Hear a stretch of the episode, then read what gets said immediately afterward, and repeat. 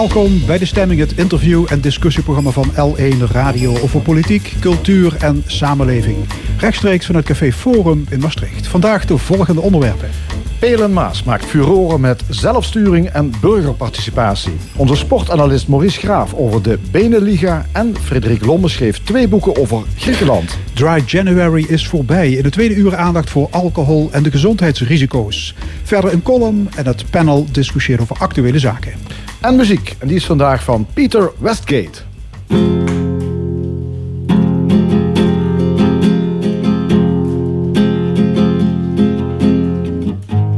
I still remember the day when you decided to walk away. You left not saying goodbye. Why couldn't you just stay? Yeah, I still taste the raindrops from that night. Trying to find a way to make things right. And if I don't succeed, please still remember me.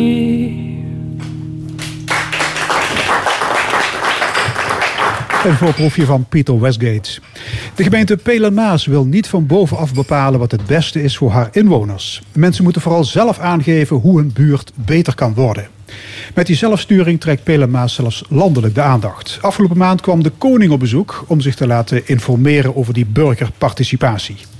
Een van de drijvende krachten achter dit concept is strategisch ambtenaar Geert Schmitz. Komende week gaat hij met pensioen en dat doet hij met een boek, natuurlijk over zelfsturing. Schmitz is onze eerste gast. Goedemorgen. Mooi. Ja, Pelen Maas maakt dus eh, graag en gretig gebruik van actieve burgers al jaren. Wat heeft dat opgeleverd? Nou, als, als ik mag, ik wil heel graag je formulering eh, even eh, niet corrigeren, maar anders doen. Eh, burgers eh, maken, wij maken geen gebruik van burgers. Burgers praten met elkaar over hun eigen leven.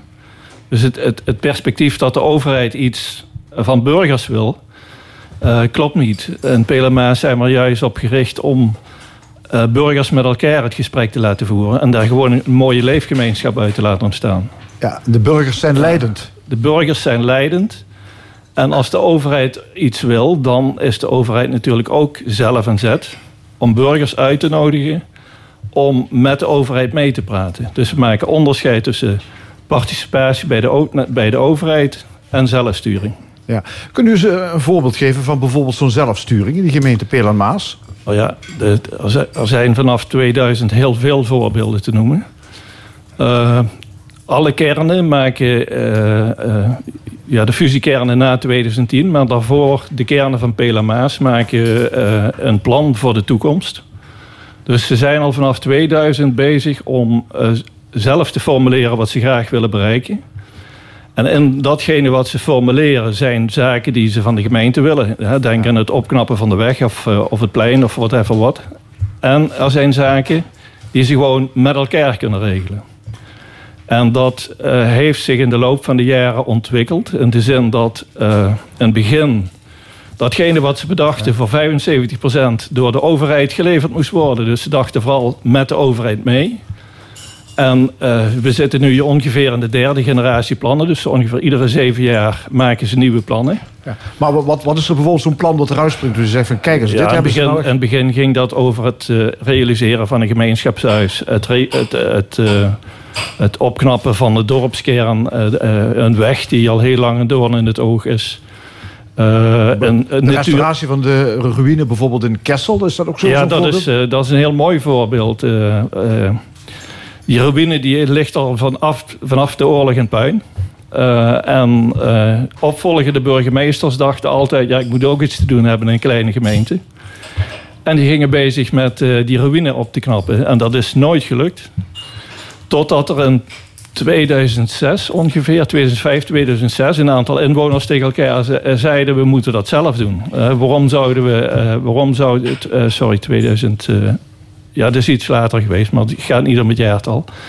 Die zeiden tegen elkaar, we moeten dat zelf aanpakken. En we moeten de overheid wel om, om, om ondersteuning vragen. Maar het is van ons, we worden er zelf eigenaar van, we gaan het zelf exploiteren. En uh, de overheid die heeft daar wel een stevige bijdrage geleverd in de investering. Maar vervolgens is het, heel, is het helemaal van hun. En ze doen dat met een ongelooflijk groot aantal vrijwilligers. En dat betekent de plannen maken, de, de ze tekening, hebben, ze hebben de plannen, ze hebben de architecten gekozen, de, de aannemers. Hè. Dus ze, ze hebben het echt helemaal vanuit hun eigen uh, verantwoordelijkheid en van het eigenaarschap van het, van het uh, complex gedaan. Ja. En het heeft een gigantische boost gegeven aan het zelfvertrouwen en het zelfbewustzijn van, uh, van Kessel. Ja, en zo zijn er heel veel voorbeelden. Ja, en zo zijn er, van ieder, gemeenschapshuizen. Zo, en zo kan ik ja. iedere keer langslopen en er zijn de mooiste verhalen te vertellen. Ja. De, uh, u heeft een uh, boek geschreven, Krijg de Geest. Dat biedt u aan aan uh, de gemeente nu ja. u weggaat. De ondertitel die is, die luidt over bezielde gemeenschappen en een bescheiden, betrokken bestuur. Ja. Um, misschien maar eens even een, een, een tweeën hakken. allereerst die gemeenschap. U zegt de voorwaarde is dus wel dat er betrokken burgers in die gemeenschap leven. Ja, uh, die zijn er ook. Uh, mensen uh, doen heel veel met elkaar. Dus buren. want moeten het ook niet te ingewikkeld maken. Hè. Gewoon goed contact tussen buren is ook al een betrokken gemeenschap. Terwijl toch vaak een spookbeeld wordt geschetst van de individualisering. Iedereen ja. trekt zich terug achter zijn eigen voordeur en doet ja. wat, goed, wat hem goed dunkt. Ja, de, iedereen is bezig om, om in zijn eentje te overleven. Dat is wel de tendens. En aan de andere kant weten we, uh, ik denk ook vanuit dit café, uh, als wat naar Limburg kijkt, heel erg goed dat het ook nog heel rijk is wat er allemaal gebeurt. En de aandacht die we, uh, die we als overheid hebben, die is totaal geïndividualiseerd. Dus de aandacht van de overheid gaat niet meer uit naar de gemeenschap, maar naar het individu. Het effect van het, het niet geven van aandacht aan de gemeenschap is dat er dus ook minder gemeenschap is. Dus als jij hier in dit café iedere week komt en niemand zou je zien, dan zou je op enig moment gewoon niet meer zijn. Het effect van, van het niet zien van de overheid van die gemeenschap is immens groot.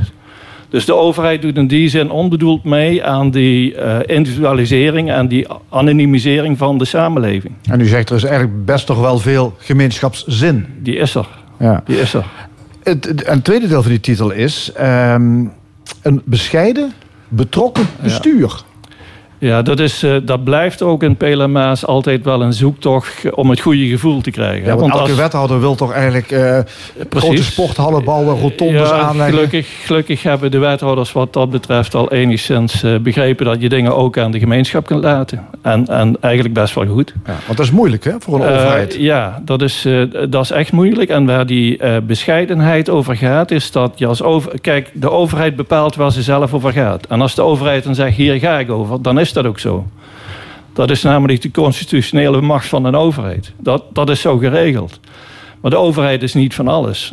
Ik geef altijd als lullig voorbeeld: eh, de overheid eh, maakt niet de opstelling van de F-pupillen. Uh, en de overheid die zoekt ook niet de muziekstukken van de fanfare uit.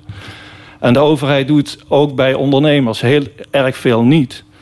Dus de idee dat de overheid van alles is en voor alle problemen verantwoordelijk is, is een, enorm, uh, een enorme driver naar een overheid die steeds groter wordt. Want ja, burgers wat, spreken die overheid op die manier ook aan. Wat, wat zou je in je eigen omgeving zelf kunnen regelen waarvan we misschien nu denken dat het te zeer een taak van de overheid is? Wat is er mis Nou ja, een van de dingen. Kijk, we lopen met z'n allen keihard op een zorginfarct af. Dus uh, de hoeveelheid zorg die we moeten leveren in deze mate kunnen we over zoveel jaar niet meer leveren. Dat weet iedereen. Uh, dus er zal een uh, heroriëntatie op die zorg moeten komen. En de vraag is dus, wat, kun, wat, kan, wat kunnen mensen zelf... Uh, maar als je mantelzorg steeds specifieker een probleem van de overheid maakt...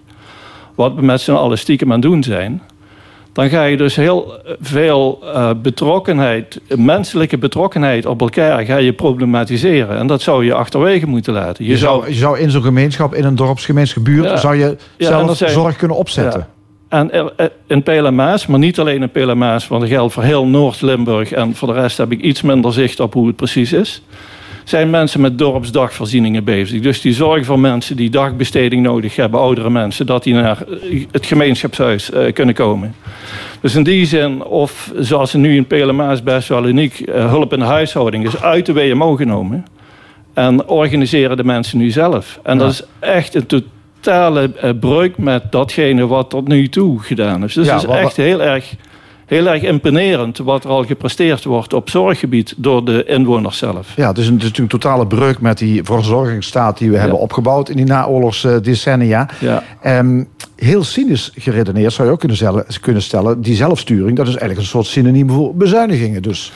Ja, als, ik ben heel blij dat we voor de bezuinigingen al uh, uh, uh, de gemeenschappen de vraag hebben gesteld: wat heb je met je buren? Dus eh, er was een tijd dat we eh, ja, met subsidie burgers verleiden om naar de overheid te komen om iets gerealiseerd te krijgen. En wat we nu, wat we ergens in de jaren negentig al gedaan hebben, is van ga eens met elkaar het gesprek aan en verwacht niet alle heil van de overheid. En daar waar burgers met elkaar het niet geregeld krijgen, moet de overheid het aanvullen. En het adagium van uh, uh, de afgelopen jaren is geweest loslaten en vertrouwen. Dus de overheid doet dingen niet en dan moeten, ze, moeten de burgers het zelf betalen, bezuinigen. Dat is, het, dat is het perspectief van die individualisering. Maar als je het vanuit de gemeenschap kijkt, bekijkt, dan zeg je: gemeenschap, doe wat je kunt en doe wat je, wat, wat je, waar je ook intrinsiek je goed bij voelt. En datgene wat je niet alleen kunt, daar komt de overheid je helpen en aanvullen. En dat is een zodanige omkering die energie geeft aan die gemeenschappen en die de overheid ook bescheiden houdt op een eigen gebied. Daar komt het woordje bescheidenheid vandaan. Denk niet dat je overal van bent. Ja. Afgelopen week promoveerde uh, een Groningse wetenschapper uh, op zelfsturing. Um, en die mevrouw Ubels is dat. Die zet uh, vraagtekens bij democratisch gehalte. Ze zegt, het zijn ja. vaak mondige, blanke, gepensioneerde mannen. Die zijn actief in zo'n gemeenschap. Ja. En die bepalen dus eigenlijk wat er goed is. Het is geen representatieve groep die die zelfsturing uh, ja, klopt. veroorzaakt. Uh, uh, dat is een, een heel mooie manier van kijken vanuit een democratisch perspectief. En vanuit een publiek belang naar wat gemeenschappen doen. Maar wat die mevrouw dus doet, is bestuurlijke uitgangspunten leggen op een gemeenschap. Hoe moet die een democratie functioneren? En dat legt ze op een gemeenschap. Maar zo zit een gemeenschap niet in elkaar. Een gemeenschap is, iets heel anders als een democratisch instituut.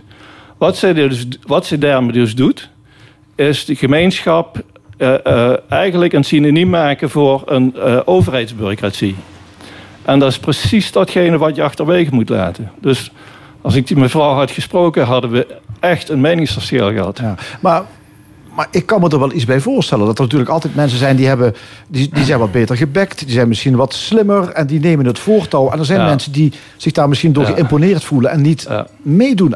Kijk, wat je bij burgerinitiatieven... Je moet bij, je, je, moet, we moeten niks, maar ik, ik heb wel geanalyseerd... dat je bij burgerinitiatieven een heel scherp onderscheid moet maken. Tussen initiatieven die gericht zijn op een privébelang...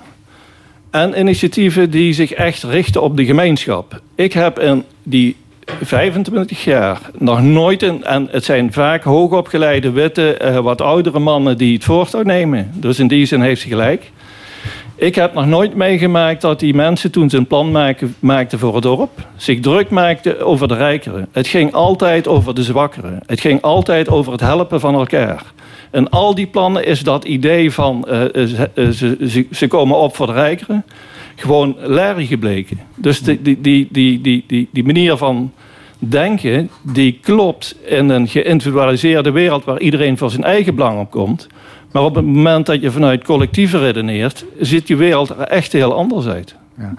In Pelemaas hebben jullie ook geëxperimenteerd met een burgerraad. Die werd door loting samengesteld. Ja. daarin zouden dus gewone burgers kunnen ja. meepraten over sociale vraagstukken.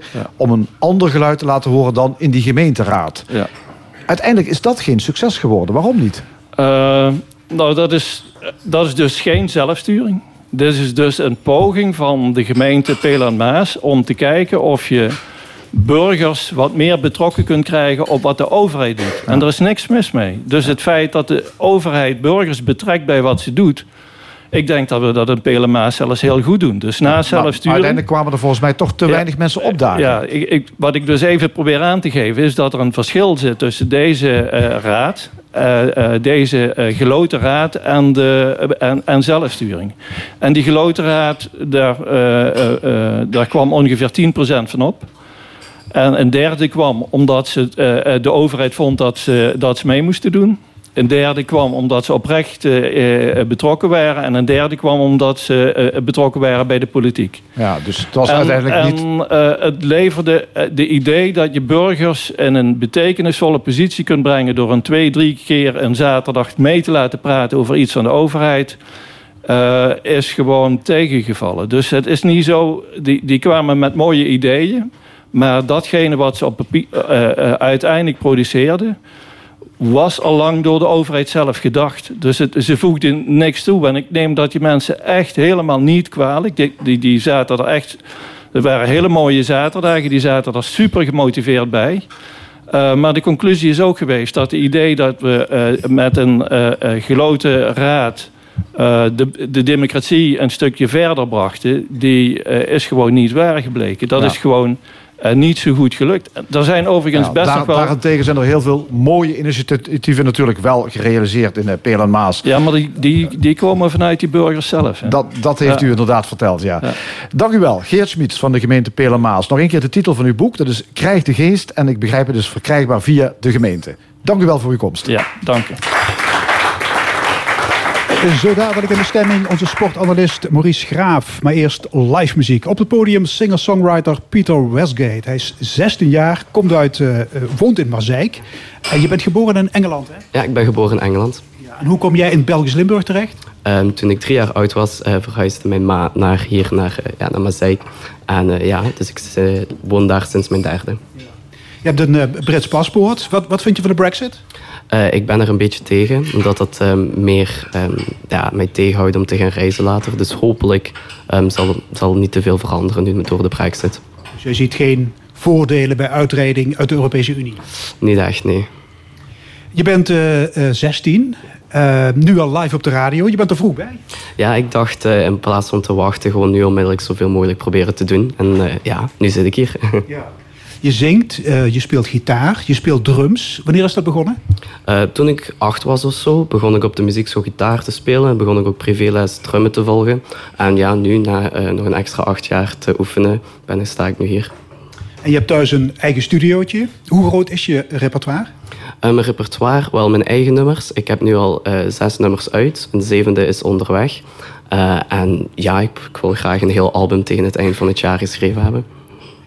Uh, in je bio staat: Ik hoop mensen met mijn liedjes met elkaar te verbinden. Dus muziek als verbroedering.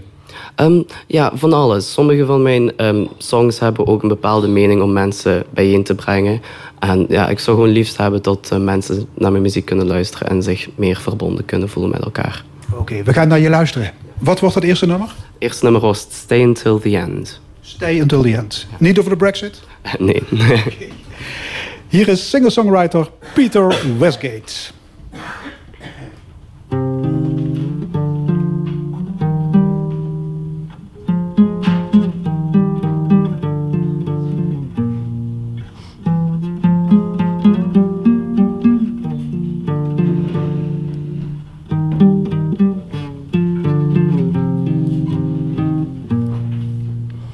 Feeling the waves of the ocean playing a song about love and emotion.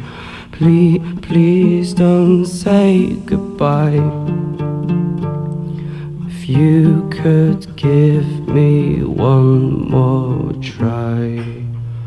So just stay with me where you belong. Cause it hurts me when you are gone. Stay with me where you belong. Cause without you it feels so wrong.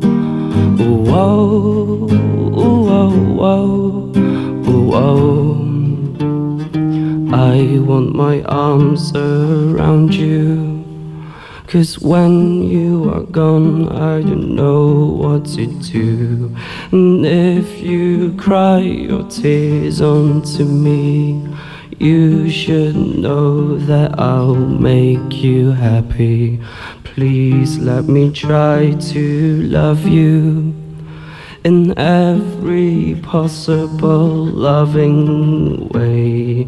Please just hold my hands and stay with me till the end.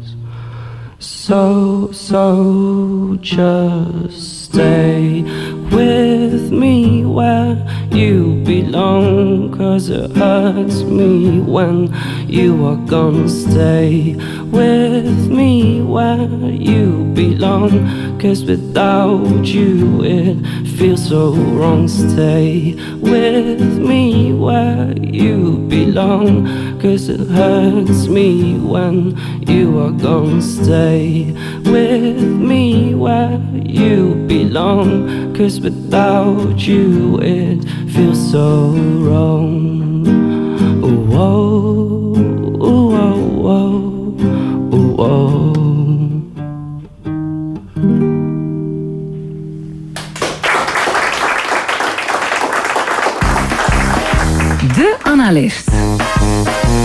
Vandaag met sportanalist Maurice Graaf. Maurice, welkom. Ja, Eh, zometeen wil je het hebben over de voortslepende bestuurlijke ellende bij MVV en Rode JC. Maar eerst de Beneliga. De Beneliga, wat is dat? Ja, ik kende hem vooral eh, vanuit het handbal, waar het eh, al een paar jaar een succes is. Maar nu willen ze dus ook in het voetbal, daar waren ze tien jaar geleden al een keer mee begonnen. Maar willen ze de tien beste clubs van Nederland en de acht beste clubs van eh, België... willen ze in één competitie eh, bij elkaar eh, steken. En die plannen die komen doordat de elf, dat elf clubs... Zes Nederlandse, vijf Belgische de koppen bij elkaar hebben gestoken. En de kleinere clubs eigenlijk daar al buiten spel hebben gezet. Ja, dus, Dus, dan krijgen we dus een Belgisch-Nederlandse topcompetitie Ja. van, van de eredivisieclubs. België Wat- is nou achtste competitie, Nederland negende. En als ze samen gaan, zou het de zesde competitie van Europa Ja, worden. Oké, en wat is de achterliggende gedachte? Eh, de topteams willen meer spanning, meer, eh, meer weerstand. En eh, waar het mijns inziens allemaal om gaat, meer inkomsten. om Europees mee te kunnen tellen. En dat is begrijpelijk van die topclubs. Alleen, ja, ik denk je hebt altijd te maken met een piramide. Hè? En hoe breder dat fundament is, hoe meer je aan de top doorkrijgt. En je gaat het hele fundament weghalen. Want dit is alleen iets voor, eh, voor de grote clubs. Ja. ja, het onderzoek is uitgevoerd door Deloitte. Dan Ja. weet je dat het primair om, eh, om financiële belangen draait, hè? Ja, en financieel eh, zag het er, eh, ziet het er blijkbaar heel goed uit. Eh, significant waardeverhogend eh, heeft Deloitte het eh, genoemd voor de clubs die deelnemen. Maar ook voor de clubs die dan in eigen land alleen nog maar de competitie eh, spelen. Want daar zou dan ook meer geld doordruppelen. Alleen je vergeet dan even dat eh, als Ajax, PSV, Feyenoord, AZ uit de competitie zijn... dat bijvoorbeeld bij Fortuna en VVV geen mens meer naar het stadion komt... om tegen die andere ploegen te gaan kijken. Dus op den duur ben je gewoon dood. Ja. En dan kun je wel meer televisiegelden krijgen van, eh, van die clubs. Maar dan, dan houdt het toch op korte termijn op. Ja, en wat is nu jouw oordeel over dat Beneliga-plan? Ja, je hoort het al een beetje aan mij. Ik, ik vind het begin van het einde. Ik heb ernstige twijfels eh, of, of men in Nederland ook zit te wachten op wedstrijden tegen A-agent of Charleroi. Eh, daar gaan niet meer mensen van naar het stadion te komen. En de televisiegelden die zullen dan wel stijgen. Maar ik denk dat vooral de rijke clubs weer rijker eh, worden. En de arme clubs eh, armer. En Ja, dus de, De- kloof tussen die rijke en de arme clubs die, Die wordt, wordt- die wordt groter. die wordt Want enorm. B- VVV, om er iets te noemen, speelt nooit meer tegen Ajax, nooit meer tegen Feyenoord, PSV. Ja, En of ze zouden dus, in die eredivisie eh, wat overblijft kampioen moeten worden. Maar dat is nog een mission oké, maar er impossible. gaan dus minder mensen naar het stadion. Dat, daar kun je... Ja, eh, je ziet dit jaar al een, een terugloop in toeschouwersbezoeken, bezoeken, maar dan blijft er niks meer over. ik, ik moest denken aan toen ik nog speelde, had je eh, die Panini voetbalplaatjes. Kijk, nou heeft iedere supermarkt die voetbalplaatjesactie. Maar toen stonden wij als eredivisie voetballers, stonden we allemaal in, eh, in zo'n voetbalboek van Panini. En daar kregen wij individueel kregen wij, eh 2500 gulden voor aan het einde van het seizoen. Dat is een mooie vakantie.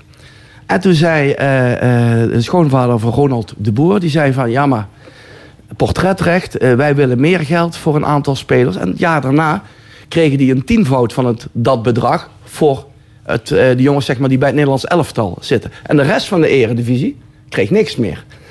Waarbij juist de jongens zitten die die extra bijdrage goed kunnen gebruiken. Dus er is totaal gebrek aan solidariteit Ja. eh, in Nederland wat dat betreft. Ja. En eh, welke Nederlandse eredivisieclubs komen nu in aanmerking voor die liga? PSV, Feyenoord, eh, Utrecht, AZ en Vitesse zitten nu al bij de besprekingen. Dat zijn zeg maar de initiatiefnemers. En daaraan toegevoegd, ah, mocht dat doorgaan, want we spreken waarschijnlijk over 2025, eh, zijn de vijf de clubs eh, die de laatste vijf jaar dan het best gepresteerd hebben. Zo, op dit moment zou dat zijn Groningen, Heerenveen, Heracles en PEC Zwolle. Ja, geen Fortuna, dan- geen nee, VVV. Die, we Nee. dus vergeten. Die mogen blijven spelen tegen RKC en FC Emmen. Ja, ja, ja. Dus, eh, nou ja, ik, ik zie het... eh, Het is leuk voor de kijkcijfers, Maar, maar, maar dan kun je wel een keer kampioen worden. ja, maar ik denk niet in de Eredivisie dat dat even goed te hoog gegrepen is. eh. Maar, maar denk je dat dit eh, plan, Maurice, een schijn van kans maakt? Ik bedoel, dit pikken de supporters toch nooit? Dit wordt toch opstand? Ja, dat is wel goed dat je dat zegt. Ik verwacht inderdaad vooral vanuit die hoek een massale weerstand vanuit de supporters. Eh, maar ja, eh, de macht van het geld eh, is heel beslissend in het voetbal aan het worden. En daardoor gaat de charme er ook af en toe vanaf. En je kan zoveel op tv zien. En als je toch die benenliga op tv kan zien... waarom zou je nog naar het stadion gaan om VVV, RKC of Fortuna Emmen te zien? En MVV en Roda spelen straks in de derde divisie. Dat is eh, ook de consequentie. Dat wordt dan nog een divisie lager. Dus dat wordt nog minder aantrekkelijk. Nog minder geld. Nog minder bestaansrecht. En, en vanuit het perspectief van die echte topclubs die dan in die Beneliga spelen, ehm, maken die inderdaad ja, meer kans op Europees voetbal? Zit daar dan wel iets in? Je kan enerzijds zeggen, je speelt een beetje Europees, want je speelt tegen Belgische clubs. Maar eh, kijk, Nederland heeft nou vijf Europese plaatsen. En België heeft dat ook. Dus tien ploegen van Nederland en België spelen Europees voetbal. Als je samen gaat, eh, zal er in eerste instantie zes ploegen worden. En als ik je vertel dat als je als Euro- eh, ploeg eh, de Europa League speelt, bijvoorbeeld, levert jou dat al minimaal 10 miljoen euro op. Dus ook van, vanuit dat standpunt zal er nog weerstand eh, komen. Ja. Naar Limburg, even? Ja? Ja. Even, even kijken naar... eh, Daar gaat ook niet alles goed. Nee, nee, nee, nee. Fortuna en VVV, dus eh, is het allemaal geen goed nieuws. die, die benen liggen misschien. Maar ja, we hebben ook nog MVV en Rode JC. Ehm waar zullen we mee beginnen? MVV maar? Ja, we zijn in Maastricht. Laten we bij. MVV beginnen. hè? Ja. Het, eh, eh, ja, het is heel onrustig. Ze hebben eh 3-0 gewonnen. Dat wel. Het sportieve eh, is even een week goed. Maar eh, dat, eh, het platform is eh, opgestapt. eh, het technisch platform met Bert van Marwijk, Johan Dijkstra, Erik eh, Meijer, Ron Wijzen, Reginald Tal. Eh, ja, dat vond ik wel eigenlijk heel erg eh, eh, schrikken.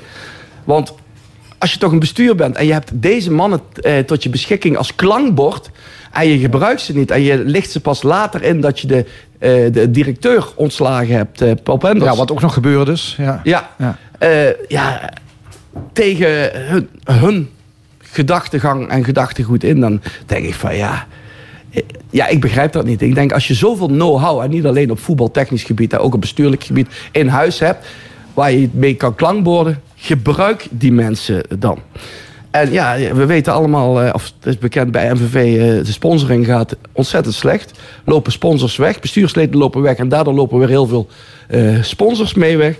Dus financieel wordt dat een gigantisch probleem voor komend seizoen. Ja, wat, wat, wat zit hierachter? Wat, wat, wat, zou, wat, wat, wat zou nou de bedoeling zijn hier? Ja, ik vind het, of het nou MVV of Roda is, het is in alle geledingen, het is communicatie, het is toch veelal eh macho gedrag in die voetbalwereld van wel erbij willen horen, eh, eh, maar niet willen luisteren naar mensen die jarenlang in die voetballerij meegaan en zitten.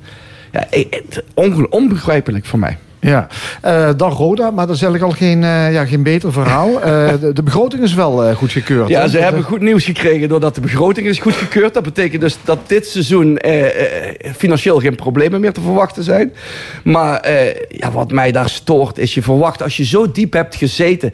dat je de handen in elkaar slaat. En daar in Kerkrade hebben ze terecht vaak over koempelmentaliteit. Nou, die is er bij, op bestuurlijk niveau, directieniveau totaal niet. Want waar ze kunnen steken ze elkaar een mes in de rug. Ja, ik geloof iedereen heeft zo'n beetje ruzie met iedereen daar. Ja, mensen in bepalende functies, dus die niet met elkaar samenwerken, langs elkaar heen werken. Nu zijn deze week Harm en Dionne Wiertz weer opgestapt. Eerder is directeur ad interim Huurne is, opgestapt. ook vanuit de aandelen heeft hij opgezegd, niet alleen als, als directeur. Hessel Meijer daarvoor opgestapt. Maurice Jonge opgestapt. Nou, hebben ze een nieuwe algemeen directeur, Karel Boekhaart die dat in het verleden ook al een keer gedaan heeft, ook tijdelijk.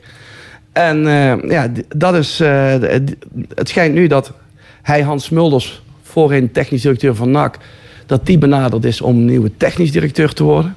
Uh, maar Maurice, het zijn heel veel mensen met een achtergrond in het bedrijfsleven. Ja. Maar kennelijk is het leiden van een BVO toch iets anders dan een, dan een bedrijf. Ja, heb, je, heb je een uur, dat is een wereld van verschil. Kijk, natuurlijk is dat een pre als je uh, in het bedrijfsleven je sporen verdiend hebt. Maar er komt zoveel meer bij. Kijk, in het bedrijfsleven heb je één gesprekspartner voor het hele bedrijf die dat kan uitdragen. In de voetballerij eh, heb je een stadion vol gesprekspartners die iets te vertellen hebben over de club en noem maar op.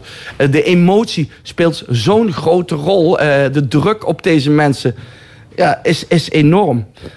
Maar wat ik dan wel ontzettend triest vind, is ook dat personeel van, uh, van Dat was in, in de vorige situatie waren er al mensen ziek ook op dit moment zijn er gewoon mensen ziek thuis na de La Vega uh, cachet. Want die, die hebben we dus ook nog gehad. Ja, de Mexicaan, die, die even binnengehaald was. Ja, ja nou ja. Uh, het personeel wil niet werken met de huidige trainer, hè, als ik het goed heb. Wie?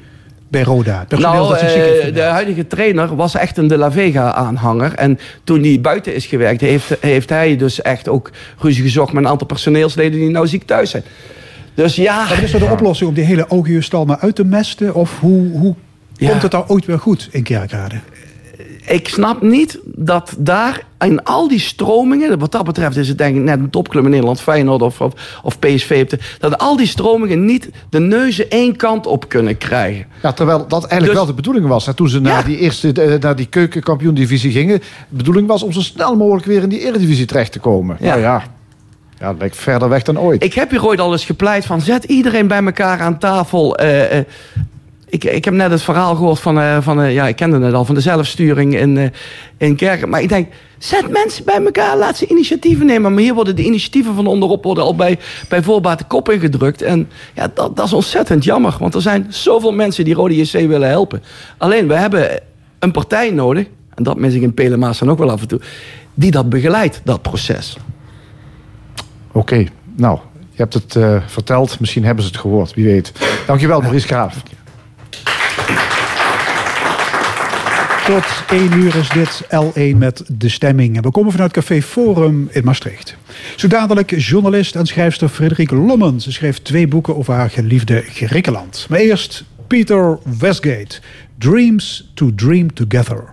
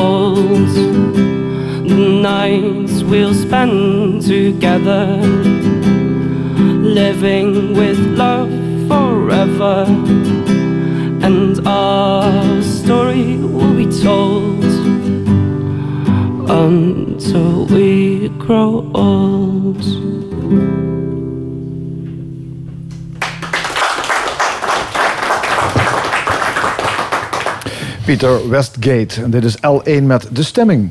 Journaliste en schrijfster Frederik Lomme heeft haar hart verpand aan Griekenland. Ze schreef twee nieuwe boeken over dat land. Eén over de schoonheid en de vitaliteit van Athene en één over de Griekse crisis. Al ruim tien jaar staat Griekenland financieel onder curatelen en wordt de bevolking geteisterd door werkloosheid en armoede. Bij ons Frederik Lommen. Frederik, welkom. Uh, hoe ben je verknocht geraakt aan Griekenland?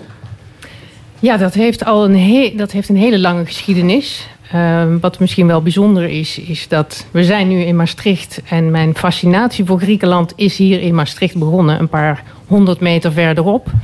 Uh, dat was in 1987. Toen kwam ik hier uh, vanuit Noord-Limburg wonen en studeren. Ja, je bent een Venlo's meidje, hè? Ik ben een, ik ben een Venlo's meidje, ja.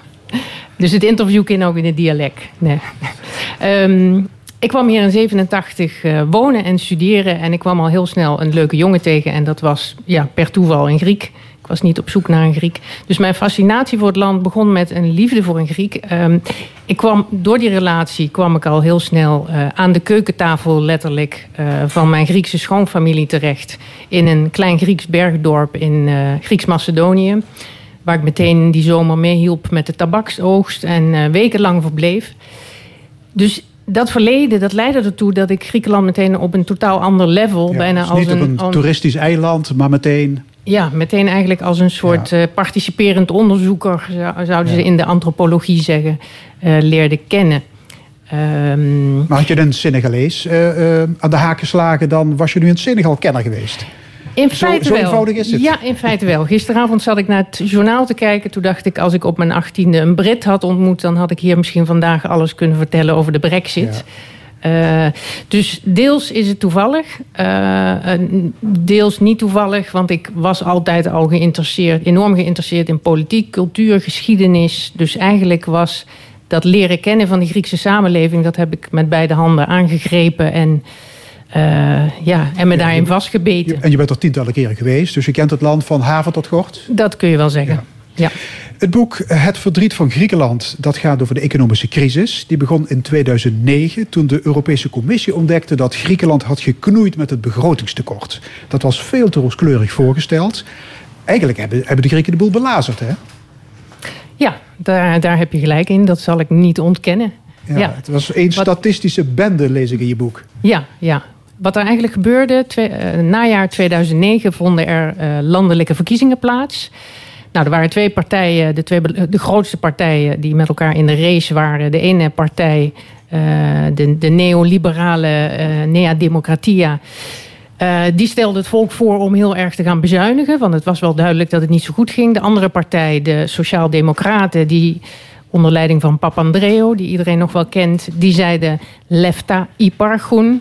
Uh, er is geld. Dus ja, de bevolking koos natuurlijk een, massaal. Een gevleugelde uitspraak geworden. Hè? Er is geld. Ja, ja, er zijn hele YouTube-filmpjes en rapnummers uh, gemaakt uh, over die zin lefta iparchun.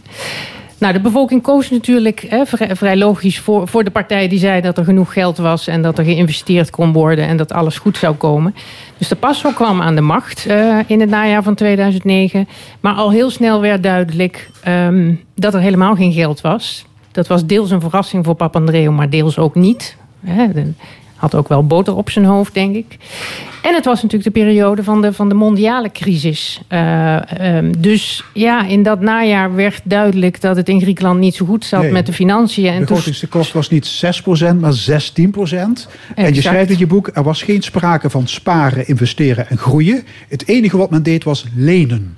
Dus ja. de Grieken die leefden massaal op de pot. Ja. Of op de pof. Of de pof. Ja, dat is eigenlijk de, nou ja, de kern van het probleem geweest van de jaren daarvoor. Ik moet zeggen, ik kom daar dus als, wat ik net vertelde, sinds 1988, 87, 88.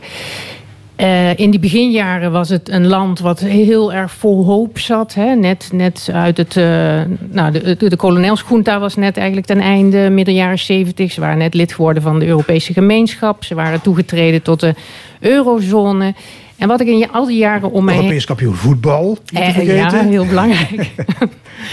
um, wat ik in al die jaren zag, was dat, uh, dat er enorm veel geld werd gespendeerd vooral. Uh, dus in de meest kleine bergdorpjes zag ik Porsche Cayennes. Ik heb nog nooit ergens in mijn leven zoveel Porsche Cayennes gezien...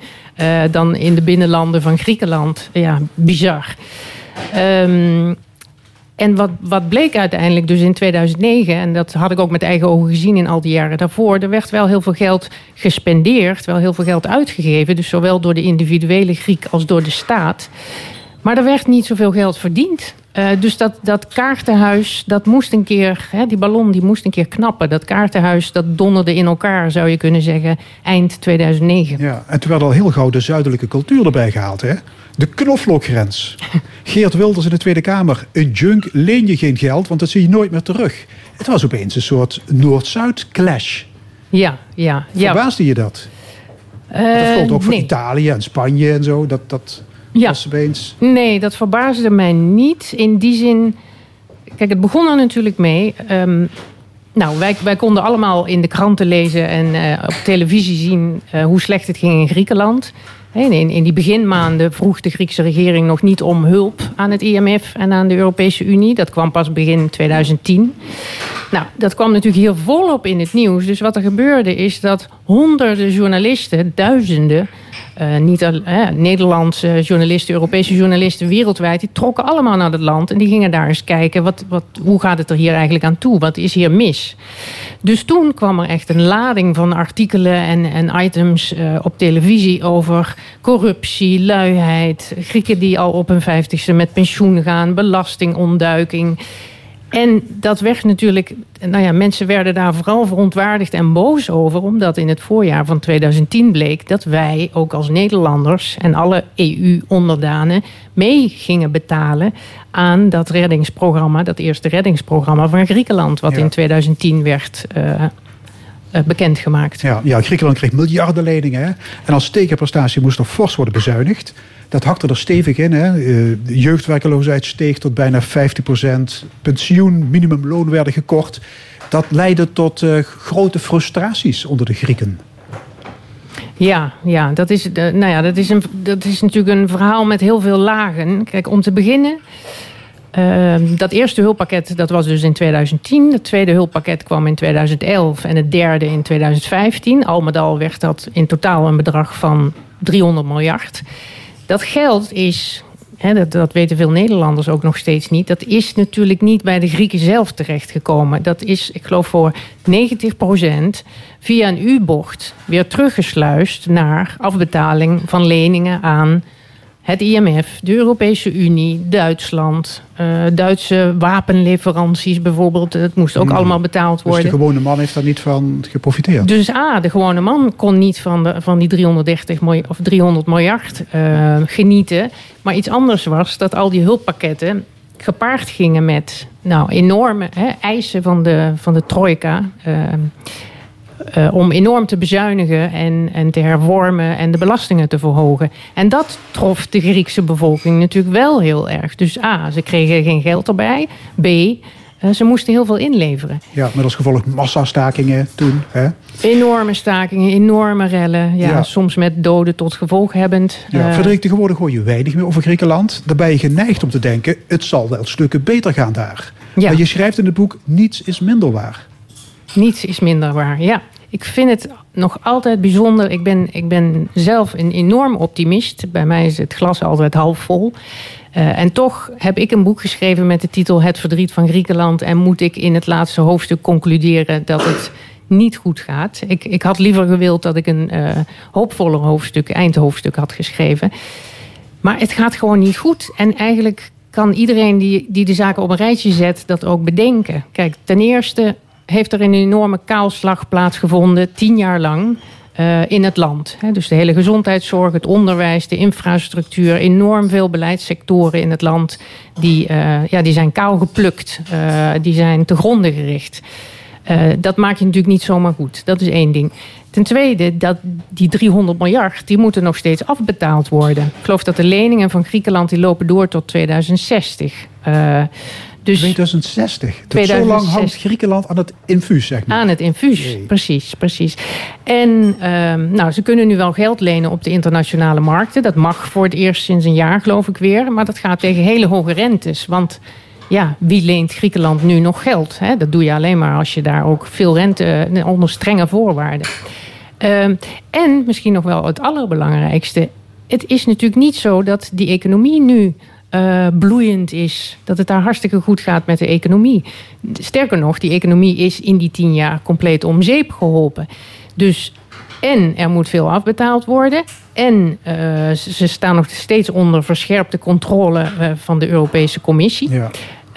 En aan die economie is feitelijk niet zoveel veranderd. Het is een land waar niet zoveel geproduceerd wordt. Ja, we kennen allemaal de vetten en de olijfolie, maar daar kun je niet een compleet land eh op Ja, draaien. dus de economie heeft de weg naar boven nog lang niet gevonden in Griekenland. Nee, nee. Wat, wat doet dat met de mensen? Ja, dat die, kijk, de, de Grieken, het Griekse volk is heel erg veel, veerkrachtig en eh, creatief en vol levenslust. Hè, Dat is ook een van de redenen waarom ik daar zo graag ben en waarom ik zo eh, van dat land hou. Ehm, dus dat is een van de redenen waarom ze, waarom ze het hebben gered. Nou, niet iedereen heeft het gered, helaas. Ehm, wat, wat Griekenland ook, wat de Griekse bevolking ook heeft gered, is dat er een enorme, wat heel belangrijk is in het land, is de familieband. Eigenlijk heeft bijna iedere Griek het overleefd de laatste tien jaar, omdat de familie was een soort opvang. Hè, als, als opa nog een pensioen had, dan konden daar vaak tien mensen van leven. Dus de kinderen en de kleinkinderen.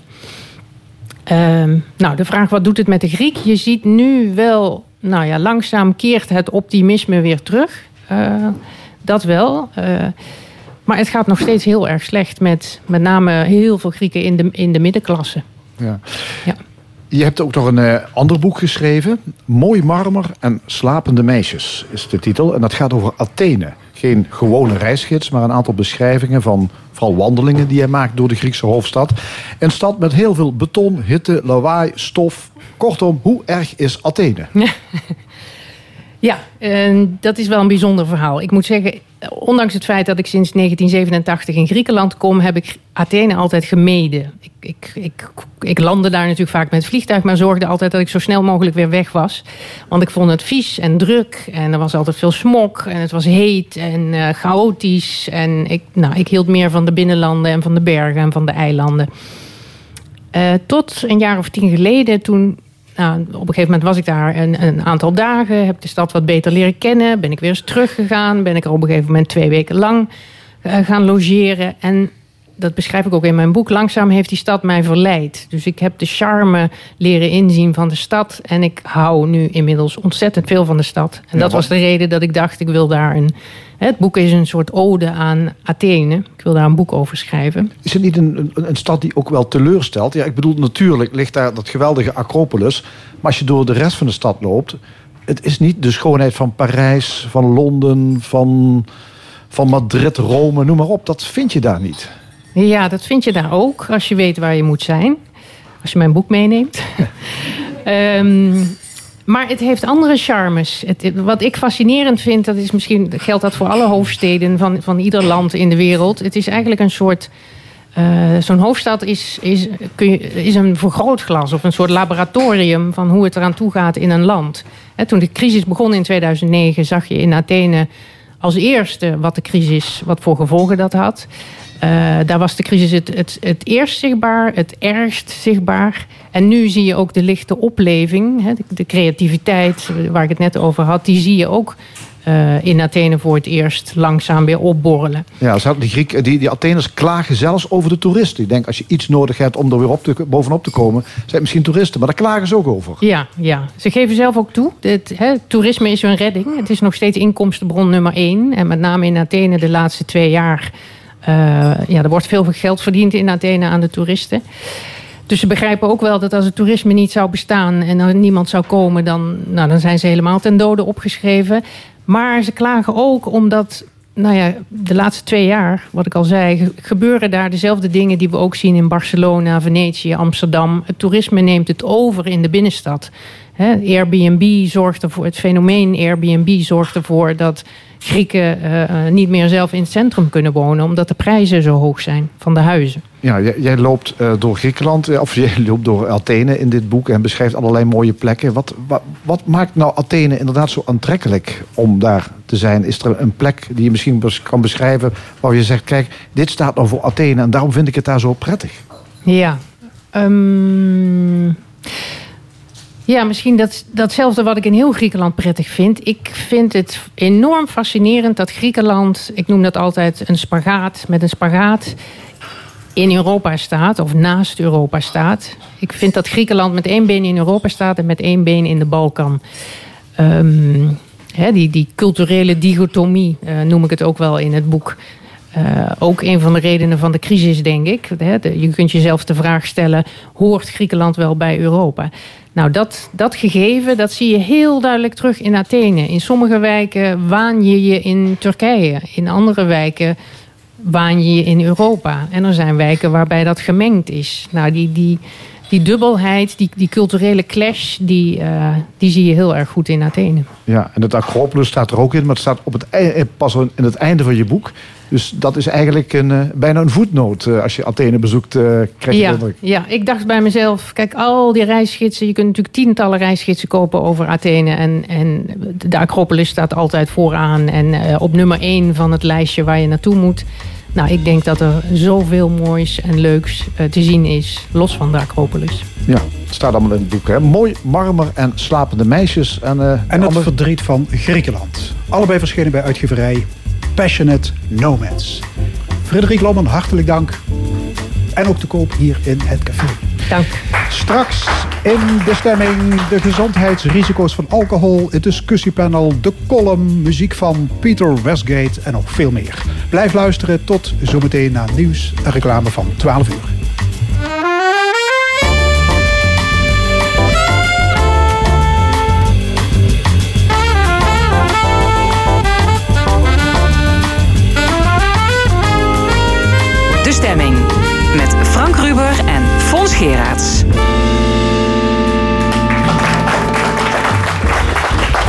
Welkom bij De Stemming, het interview- en discussieprogramma van L1 Radio vanuit Café Forum in Maastricht. En wat allemaal nog in de tweede en laatste uur. Straks discussieert het panel over de burgemeester van Weert, over voltooid leven, stikstof en andere actuele zaken.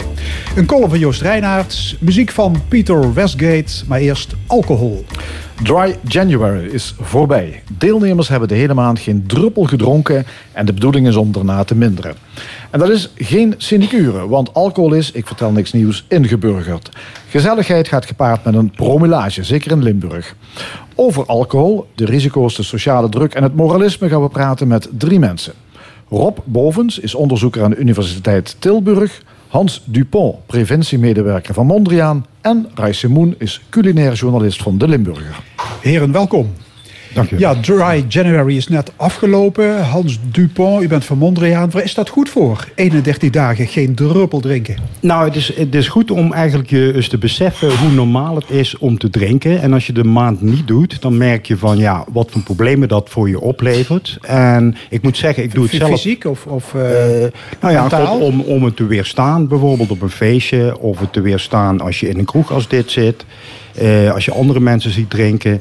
Dus je legt jezelf eigenlijk even de verplichting op dat een maand of 40 dagen niet te doen. En je kunt ook naar carnaval, dat doe ik altijd trouwens. Uh, voor oh, jaar. ik pas, 40 ik dagen ik pas. niet drinken uh, naar ja, carnaval. Ik ben beter, een beetje van de katholieke cultuur in ieder geval. Ja. dus ik doe dat na de carnaval. ik doe dat voor het achtste, achtste jaar. En ik moet zeggen, wat het me oplevert is zeg maar het normale eraf halen. Bijvoorbeeld door de week drinken. Dat deed ik tien jaar geleden wel. Dat doe ik nu niet meer als vanzelf. En dat is wat je leert. Je leert niet van, goh, ik, eh, ik ga helemaal stoppen. Want ik moet ook zeggen, ik spuug er echt niet in. Maar eh, wat ik wel heb geleerd is om het gewoon beter in de hand ja, te krijgen. En, en, je lever kan zich, kan zich herstellen. Ja. En je slaapt beter, heb ik begrepen. Je slaapt beter. En, en je dat geldt, je die voordelen gelden ook voor matige drinkers. Zeker, zeker. Zonder meer, ja. Wat is een matige drinker? Wat is een matige drinker? Ja, Rob, uh, Rob kan me heel goed aanvullen daarin. Maar een matige drinker is iemand die bijvoorbeeld niet elke dag drinkt. Uh, die uh, als man minder dan pak een beet een, een, een 14 glazen per week drinkt. Dat is een matige drinker. En als vrouw nog iets, ligt, die, ligt die, dat iets minder. Maar er zijn verschillende normen.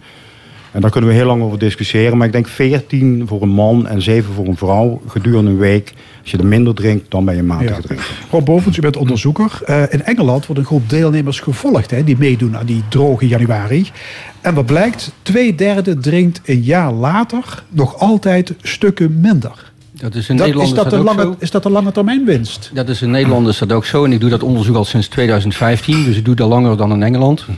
Want wij volgen die Ik Pas deelnemers. Uh, overigens dat is ook een misverstand. Ik Pas is zowel in januari als, uh, uh, als in maart. Dus ook de Dry January actie valt onder de Ik Pas. Uh, daar hebben 41.500 mensen aan uh, deelgenomen. Nou, ik volg nu deze maand. Ik heb, uh, de afgelopen maand heb ik 34.000 mensen heb ik, uitgenodigd om vragenlijsten in te vullen. En er 16.000 vragenlijsten heb ik terug. En uh, ik doe dat al jaren. En wat we inderdaad zien, zo'n 65% inderdaad, die uh, uh, zegt ook inderdaad ook minder te drinken. Maar ik kan dat ook op allerlei andere manieren kan ik dat dan zien. Want ja, mensen kunnen natuurlijk van alles zeggen. Maar je laat ook, zeg maar, door hun invullen wat ze eigenlijk dronken van tevoren en wat ze zes maanden later dronken. En dan zie je dat ze, zeg maar, zo'n 30% aan glazen minder drinken op weekbasis dan wat ze van tevoren gedaan 30% hadden. 30% minder? 30% Oké. Okay. Ook aan tafel Gijs Simoen, culinair journalist van de Limburger. Uh, zou jij het kunnen? Eén maand zonder één druppel bier of wijn? Ja, dat zou ik kunnen, ja, maar ik, ik heb een excuus. Ik ben, moet, ben professioneel drinken. Oh, je, ja. moet, van je, je moet van het werk. Ja, moet, je moet van, je baas. Ja, ja, dus uh, ik zou wel willen, maar ik moet. Ja. ja. Hey, je dus, hebt een wekelijkse rubriek in de krant. Die heet Tappen. Ja. En je schreef onlangs... Het nieuwe jaar wordt fors ingezet door lieden van de blauwe knoop. Wat met de sigaret is gelukt, moet met bier en sterk spul ook lukken. In de band doen en verbieden wellicht. Ja. Daar klinkt heel wat ergernis in door. Nee, dat was gewoon uitdagend, prikkelend geschreven. Van, uh, uh, dit, uh, het is nou zo'n must, je moet nou in januari moet je niet drinken. En dat is verboden. Ik vind het een beetje de draak steken met alles wat je niet meer mag. Ja, wat vind jij het doorgeslagen? Nee, ik vind het een goede actie, daar niet van. Maar ik vind zo de, de, de heftigheid waarmee dat allemaal gepropageerd wordt. Ik vind, denk van nou, um, doe rustig aan. Uh, probeer mensen ervan op een andere manier van overtuigen. Dat, het ook op, dat je dat zelf kunt bepalen. En hoe je dat dan zelf kunt bepalen. Dan. De heftigheid ja, waarmee dat je allemaal gepropageerd wordt, zegt Simon. Ja, ik ben het hier natuurlijk niet mee eens. Maar Nee, kijk, eh, het, het, het punt is natuurlijk dat je zelf kunt kiezen om het wel of niet te doen. Het is het echt heel erg een vrije keuze. En kijk, en als we kijken naar de schade die alcohol aan de maatschappij toebre- toebrengt, aan de volksgezondheid. Ja, goed, dan denk ik eh, dat het heel goed is om een beetje te werken aan een norm om iets minder te gaan drinken in de maatschappij. Kijk, eh, we hadden het net al over Ik Pas, dat is na carnaval. Na carnaval was het in de jaren 60, 70 nog normaal om 40 dagen te vasten. Dus niet te drinken. Maar dat, eh, dat, dat carnaval dat is gebleven, maar het vasten dat is helemaal verdwenen uit de maatschappij. Dus ik denk, als je kijkt naar de, de volksgezondheid, dan is het goed om eens te kijken naar wat is nou, en niet om blauwe knooprig te doen, want dat heb ik net al aangegeven, dat ben ik absoluut niet. Eh, maar wat mij wel eh, interesseert is om te kijken van hoe kunnen we als maatschappij gewoon een andere norm eh, voor dat drinken instellen. Hoe normaal is het om bijvoorbeeld op een personeelsfeestje te drinken? Hoe normaal is het om op vrijdagmiddag een borrel te hebben? Hoe normaal is het om door de week een glas wijn te drinken bij het eten? Of een hele fles wijn met je vrouw als je een biefstuk hebt gehaald? Daar gaat het eigenlijk om. Is de alcoholconsumptie in Nederland alarmerend? Rob Bovens? Uh, we of laat ik zeggen, is de reden tot zorg? Nou, kijk, er is altijd. Kijk, elk glas is er één te veel. Als je kijkt, het is een giftig spul. Zo simpel is het gewoon. Dus uh, als je het vanuit gezondheidsperspectief bekijkt, dan kun je eigenlijk gewoon zeggen: van is het gezond? Nee, het is niet gezond. Uh, nou, dan moet je gaan kijken van hoe zitten wij nou in Europa. We zitten zeg maar in de middenmoot van Europa. Dus op zich valt het mee. Maar in de westelijke landen wordt meer gedronken dan zeg maar in de rest van de wereld. Dus waar, waar meet je je wezen aan af? Uh, wat je wel ziet is dat uh, de Nederlander staat aan de top in Europa als het gaat over de frequentie van drinken. Dus uh, het aantal dagen dat er gedronken wordt. Als je kijkt naar de 60 jaren van, van de vorige eeuw, dan dronken wij alleen in het weekend af en toe een borreltje, om maar eens even zo te zeggen, of tijdens verjaardagen. Dat is tot de jaren 80 is dat gigantisch gestegen, omdat wij in de zuidelijke landen gingen wij op vakantie, zagen daar de, de, de wijn op tafel staan. Iedereen nam het en mee zeg maar, naar Nederland. Nou, de supermarkten gingen ze er gigantisch op richten. En eigenlijk de laatste 10, 20 jaar is het wel wat gestabiliseerd, maar het is stabiel hoog. Want de gemiddelde Nederlander drinkt 2,5 glas per hoofd van de bevolking per dag. 2,5 glas per dag per hoofd van de bevolking. Per dus baby's en, en bedlegerige ja, Nee, die, eh, die trek je er vanaf. Dus je moet eigenlijk zeggen van de drinker in Nederland... maar 80% van de Nederlandse bevolking drinkt... Ja. drinkt als hij drinkt 2,5 glas gemiddeld. Hè. Zijn het vooral jongeren? Of ook veel 55-plussers? Nee, het zijn juist 55-plussers die, uh, die het meeste drinken. Dus als je inderdaad ziet, ze leren het zeg maar, als ze jong zijn. Maar de gewoonte wordt met name zeg maar, langzamerhand opgebouwd. En dat heeft te maken met uh, alcohol is een welvaartsproduct. Uh, het staat bij meer gelegenheden zeg maar, op tafel. Het is bijna niet zeg maar, te ontwijken. En je ziet dus ook de doelstelling van Ik Pas is niet zozeer van we praten de mensen van de alcohol af. Nee, het gaat er in wezen om dat mensen langzamerhand zich bewuster van worden hoe vaak het op tafel staat en met de gewoonte zeg maar te breken. Maar ja, is even, een beetje even, even Hans Dupont ja. van Montreal. Ja, als, ik, als, ik, even mag reageren. Kijk, uh, Rob noemde al 55-plussers. Wat je eigenlijk ziet in de bevolking is dat 10% van de bevolking problematisch drinkt. Dat zijn niet allemaal alcoholisten. Maar dat zijn mensen die schade oplopen door het drinken. Uh, als je dan kijkt naar 55-plussers, dan zie je dat de normale bevolking, hè, de andere 90%, die past zijn gedrag aan aan het feit dat je als 55-plusser minder kunt verdragen. Uh, die 10% die blijft hetzelfde doen of die gaat zelfs meer drinken, zoals Rob net aangaf. En dat is een zorg uh, voor de volksgezondheid, omdat je heel veel uh, medische problemen, maar ook psychische problemen kunt koppelen aan die alcohol. Ik noem valincidenten, ik noem keelpijn, ik noem maagpijn, ik noem slecht kunnen slapen, ik noem depressie. Dat zijn allemaal dingen die een heel duidelijk verband hebben met dat alcoholgebruik. Vandaar dat wij bijvoorbeeld een interventie hebben ontwikkeld speciaal gericht op 55-plussers. Niet om ze te laten stoppen, maar om te kijken van kunnen we in vier gesprekken uh, iets doen aan zeg maar, die gewoonte van het alcoholgebruik. En dat hebben we ook onderzocht, uh, uh, die interventie. En dat is ook trouwens nu een landelijk aanbod geworden, goedgekeurd door de RIVM. En we zien dan dat mensen die meedoen, die drinken gemiddeld zeven glazen. En dat zijn 55-plussers die zeven glazen gemiddeld per dag drinken. Na onze interventie is dat gezakt naar drie glazen gemiddeld per dag. Reetje Moen, culinair journalist van de Limburg. Wat vind je ervan? Wat gezegd wordt? Nou, dus ik, ik onderschrijf wel dat, dat uh, alcohol, dat dat, uh, zoals Belgen zeggen, een vaste uitwerking heeft negatieve uitwerking. Maar er zit natuurlijk wel een kentering in. Hè. Door, uh, de, we zien op uh, recepties zie ik ook veel spa uh, geserveerd worden. Ik zie ook laag alcoholische dranken, niet alcoholische dranken komen. Ik zie in de, in de de kookwereld of in de bierwereld zie ik ook uh, uh, andere uh, dranken tevoorschijn komen. Zoals mocktails, er wordt ontzettend veel wordt daar met ge, wordt aangeboden. Dus er is een verschuiving in de dranken. Er is een bewustzijn ontstaan bij een heleboel mensen dat, het ook op een, dat je niet per se alcohol nodig hebt. En dat er ook veel andere dranken zijn. En die willen mensen best wel nuttigen. Als die maar aangeboden wordt op een goede manier. En ja, dat, uh, maar vind je dat, er te veel met een moralistische bril naar dit onderwerp wordt nou, gekeken? Nou, nou, dat, we, nou, nou, we zijn heel erg moralistisch met alles bezig. Naar, de, naar kunst ja, kijken. Het, ook, je schreef in de krant, het past in de trend van minder minder. Minder vlees, minder vliegen, minder autorijden, minder bonussen. Want anders gaat alles naar de ratsmodee. Ja, maar je bent niet zo'n zwartkijker. Nee, dan niet. Maar, maar natuurlijk, uh, het zijn ook prikkelende stukjes geschreven. Dat is dan, want uh, in die zin Ehm, maar we nemen je wel serieus. Daarom, dat vind Ja. ik wel. Dus ik neem het ook mezelf wel serieus. Maar het is ook een beetje uitdagend geschreven. Ja, van, maar je met wij niet door in al die dingen hand en tand verzetten tegen de drooglegging.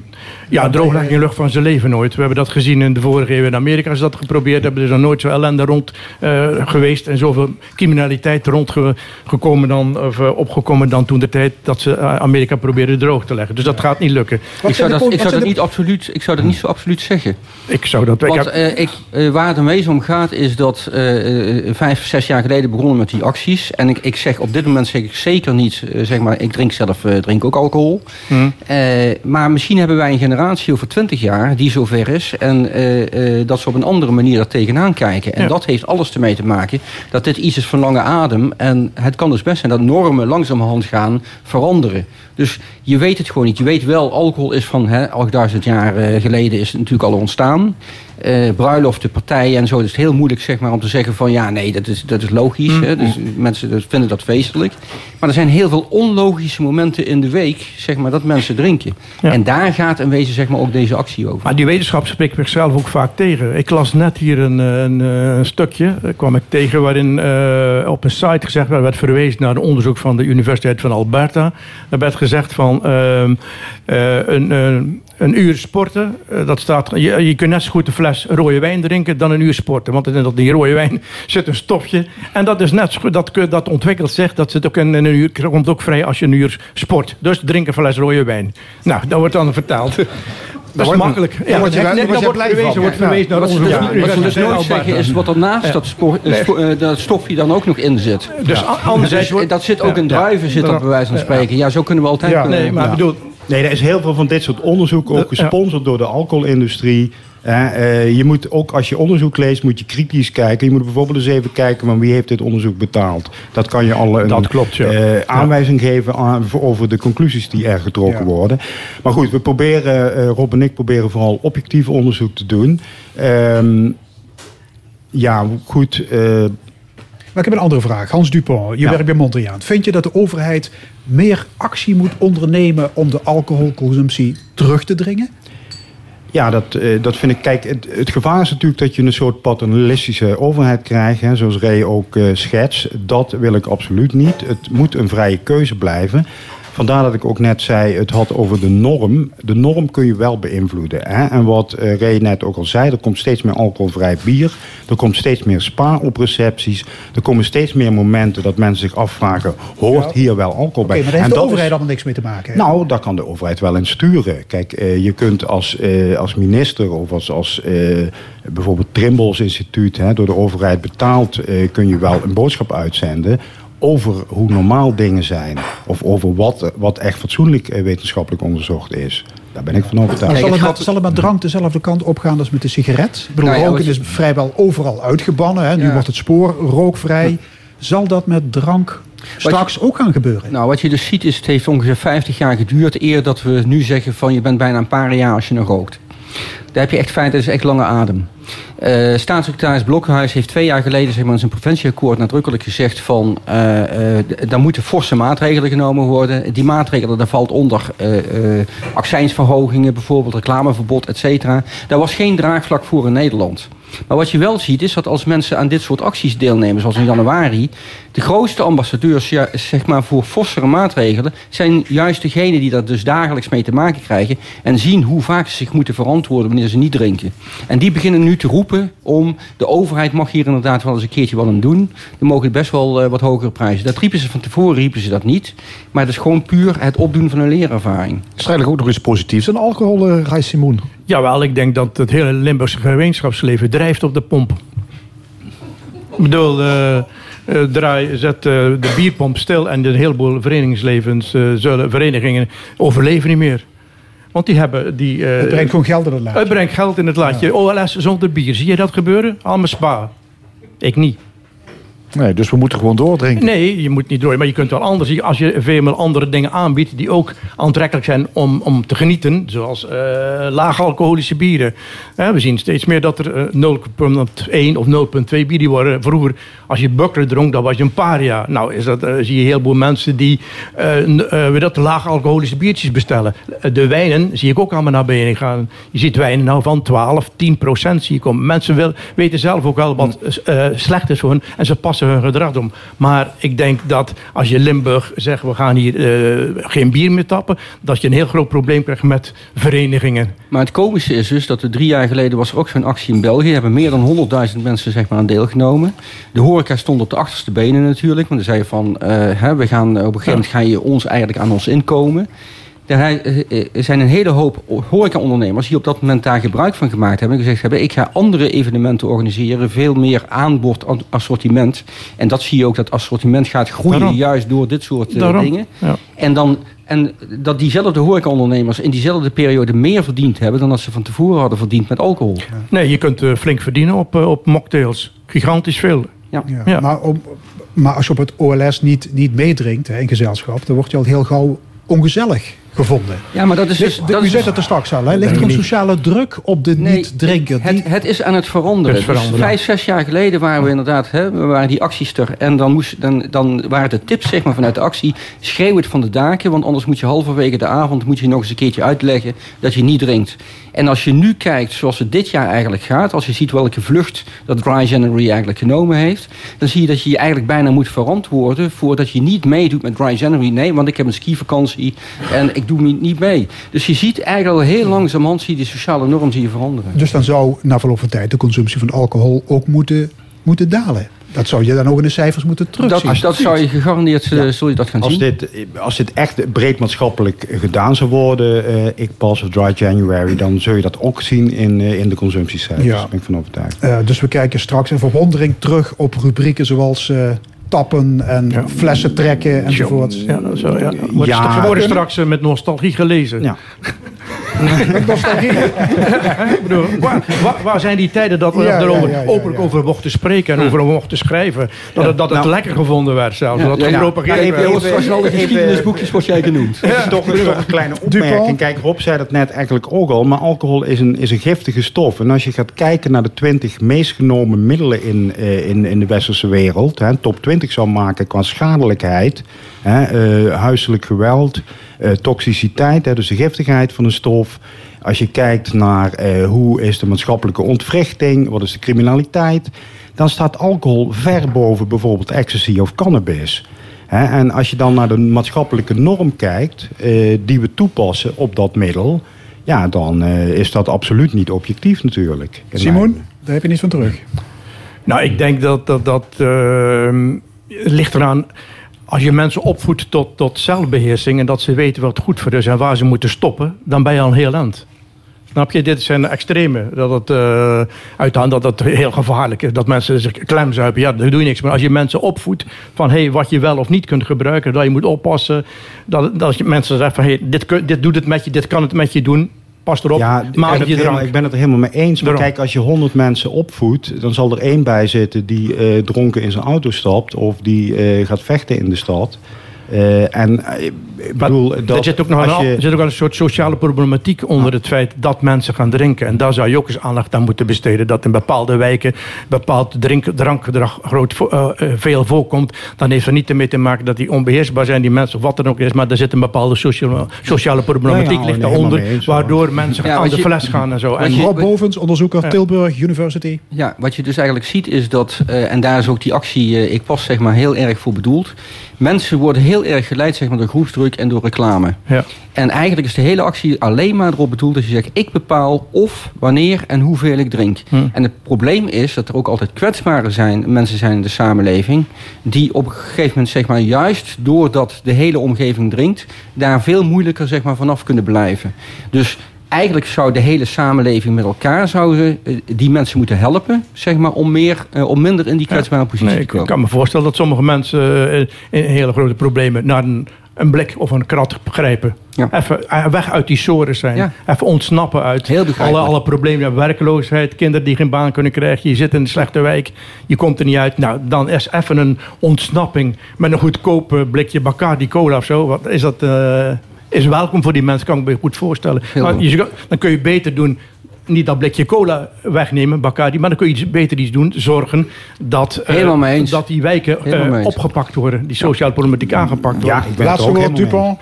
Ik ben het er ook helemaal mee eens wat meneer zegt. Uh, dat is natuurlijk, je moet altijd kijken naar uh, wat zijn de sociale gevolgen. En de sociale gevolgen van drinken bijvoorbeeld in een lagere zeswijk zijn veel groter dan in een villa-wijk. En dat moet je altijd meenemen, natuurlijk. Mag ik jullie hartelijk danken voor deze discussie. Onderzoeker Rob Bovens, preventiemedewerker Hans Dupont en journalist Rai Simon. Dank jullie wel. Ja. En hier op het eh, podium van Café Forum uh, zit inmiddels weer singer-songwriter Peter Westgate. We gaan luisteren naar Raindrops in My Mind.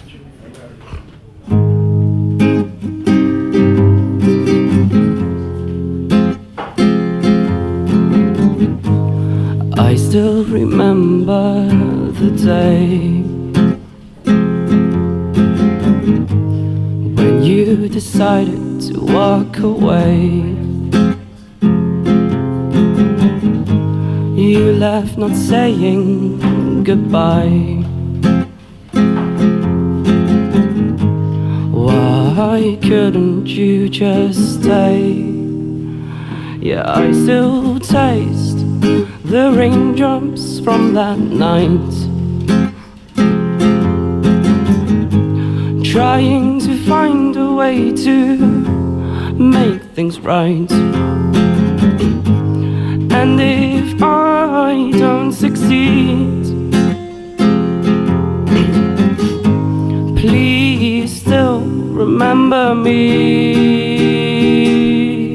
because I, I will still love you the way I used to do, and I, I, regret the things that I did to you. Oh, why, oh, why did I make you cry? Oh, I'm so sorry, I'm so sorry, I'm so sorry.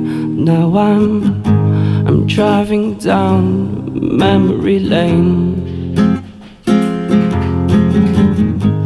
Trying to cope with all this pain. Nobody is telling me what to do With all this pain that still remains Yeah, I still taste the raindrops from that night Trying to find a way to make things right. And if I don't succeed, please still remember me. Because I, I will still love you the way I used to do, and I, I regret the things that I did to you. Oh, why, oh, why? Did I make you cry? Oh, I'm so sorry. I'm so sorry. I'm so sorry.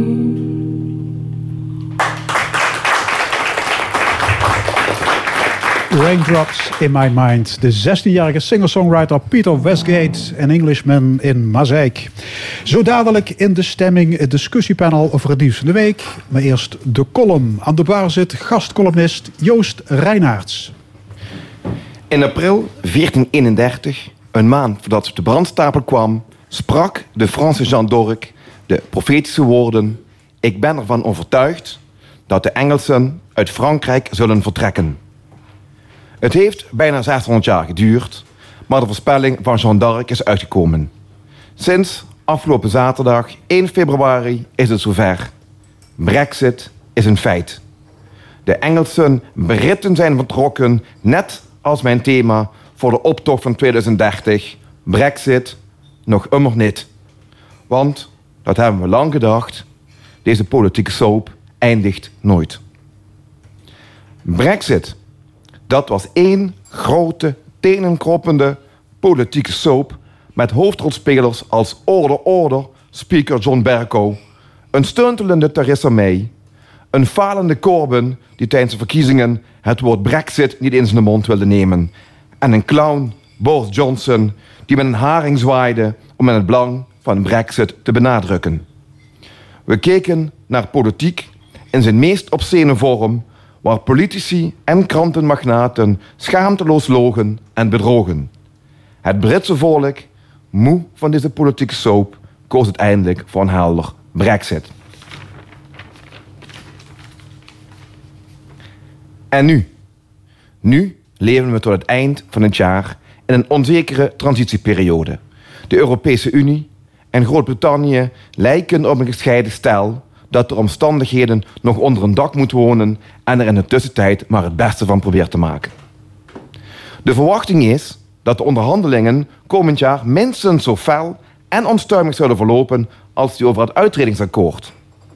Het is nog koffiedik kijken, al dus de Limburgse media. Met uitzondering van degenen die hier zullen sterven, voegde de maagd Orléans in 1431 nog aan haar profetische woorden toe. Ook daarin heeft ze gelijk gekregen.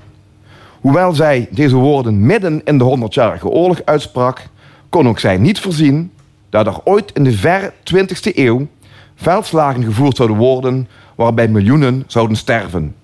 Waarbij men elkaar met gas, tanks en machinegeweren zou bestoken.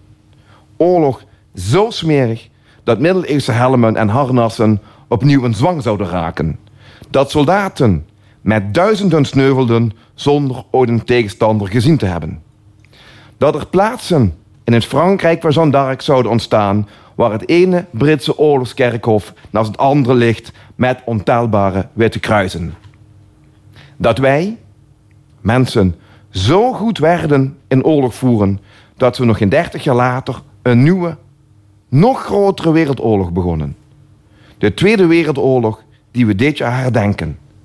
En er ook in Limburg honderden Britse soldaten begraven liggen in Brunsum, Nederweert en Venray. Jongens die voor altijd jong blijven.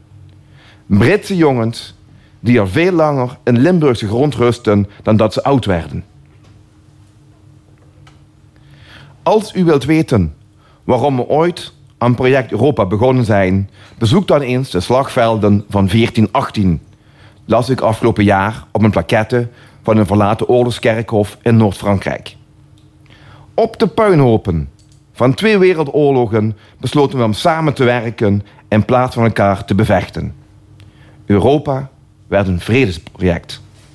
Een naar mijn mening succesvol vredesproject.